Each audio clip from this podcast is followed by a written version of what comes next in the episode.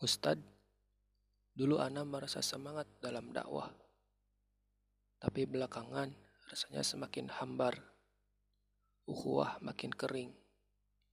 Bahkan Ana melihat ternyata para syabab banyak pula yang aneh-aneh. Begitu keluh kesah seorang daris kepada musrifnya di suatu malam. Sang musrif hanya terdiam mencoba terus menggali semua kecamuk ke dalam diri Daris. Lalu, apa yang ingin antum lakukan setelah merasakan semua itu? Sahut sang musrib setelah sesaat termenung. Anda ingin berhenti saja keluar dari holakoh ini. Anda kecewa dengan perilaku beberapa syabab yang justru tidak islami. Juga dengan organisasi dakwah yang Anda geluti, kaku, dan sering mematikan potensi anggota-anggotanya. Bila begini terus, Anda meninggal sendiri saja. Jawab Daris itu. Sang musrif termenung kembali. Tidak tampak raut terkejut dari roman wajahnya. Sorot matanya tetap terlihat tenang. Seakan jawaban itu memang sudah diketahuinya sejak awal. Akhi, Bila satu kali antum naik sebuah kapal mengarungi lautan luas, kapal itu ternyata sudah amat bobrok. Layarnya banyak berlubang, kayunya banyak yang keropos, bahkan kebinnya bau kotoran manusia. Lalu, apa yang akan antum lakukan untuk tetap sampai pada tujuan? Tanya sang musrif dengan kiasan bermakna dalam. Sang daris terdiam berpikir. Tak kuasa hatinya mendapat umpan balik sedemikian tajam melalui kiasan yang amat tepat.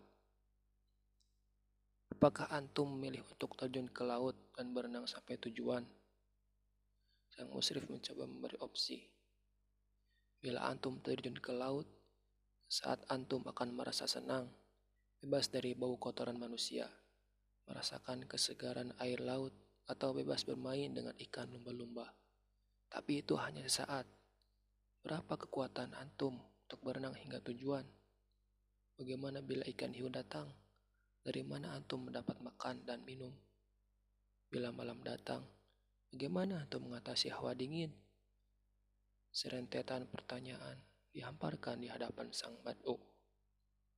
Tak ayal, sang daris menangis terseduh. Tak kuasa rasa hatinya menahan kegundahan sedemikian. Kekecewaannya kadung memuncak. Namun sang musrif yang dihormatinya justru tidak memberi jalan keluar yang sesuai dengan keinginannya. Akhi, apakah antum masih merasa bahwa jalan dakwah adalah jalan yang paling utama menuju ridha Allah? Pertanyaan menahok ini menghujam jiwa sang daris. Ia hanya mengangguk. Bagaimana bila ternyata Mobil yang antum kendarai dalam menempuh jalan itu ternyata mogok. Antum akan berjalan kaki meninggalkan mobil itu tergeletak di jalan atau mencoba memperbaikinya. Tanya sang musrif lagi. Dari tetap terdiam dalam sesenggukan tangis perlahannya. Tiba-tiba ia mengangkat tangannya. Cukup Ustadz, cukup. Ana sadar. Maafkan Ana. Ana akan tetap istiqomah anda berdakwah bukan untuk mendapat medali kehormatan atau agar setiap kata-kata Anda diperhatikan. Biarlah yang lain dengan urusan pribadi masing-masing. Anda akan tetap berjalan dalam dakwah ini. Dan hanya Allah saja yang akan membagikan anak kelak dengan janji-janjinya. Biarlah mereka dengan segala kepedihan yang Anda rasakan jadi pelebur dosa-dosa Anda. Sang Daris berazam di hadapan musrif yang semakin dihormatinya. Sang Daris tersenyum. Akhi, jemaah ini adalah jemaah manusia. Mereka adalah kumpulan insan yang punya banyak kelemahan. Tapi di balik kelemahan itu, masih amat banyak kebaikan yang mereka miliki. Mereka adalah pribadi-pribadi yang menyambut suruhan Allah untuk berdakwah.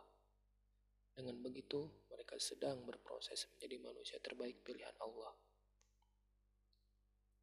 Bila ada suatu kelemahan, dan kesalahan mereka, janganlah itu mendominasi perasaan antum. Sebagaimana Allah Ta'ala menghapus dosa manusia, dengan amal baik mereka. Hapuslah kesalahan mereka di mata antum dan kebaikan-kebaikan mereka terhadap dakwah selama ini. Karena di mata Allah, belum tentu antum lebih baik dari mereka. Futur, mundur, kecewa, atau bahkan berpaling menjadi lawan. Bukanlah jalan yang masuk akal. Apabila setiap ketidaksepakatan selalu disikapi dengan jalan itu, maka kapankah dakwah ini dapat berjalan dengan baik? Sambungnya dengan panjang lebar. Kita bukan sekedar pengamat yang hanya bisa berkomentar atau hanya pandai menuding-nuding sebuah kesalahan. Kalau hanya itu, orang kafir pun bisa melakukannya. Tapi kita adalah da'i, kita adalah khalifah. Kitalah yang diserahi amanat oleh Allah untuk membenahi masalah-masalah di muka bumi. Bukan hanya mengekspos yang bisa jadi justru semakin memperuncing masalah.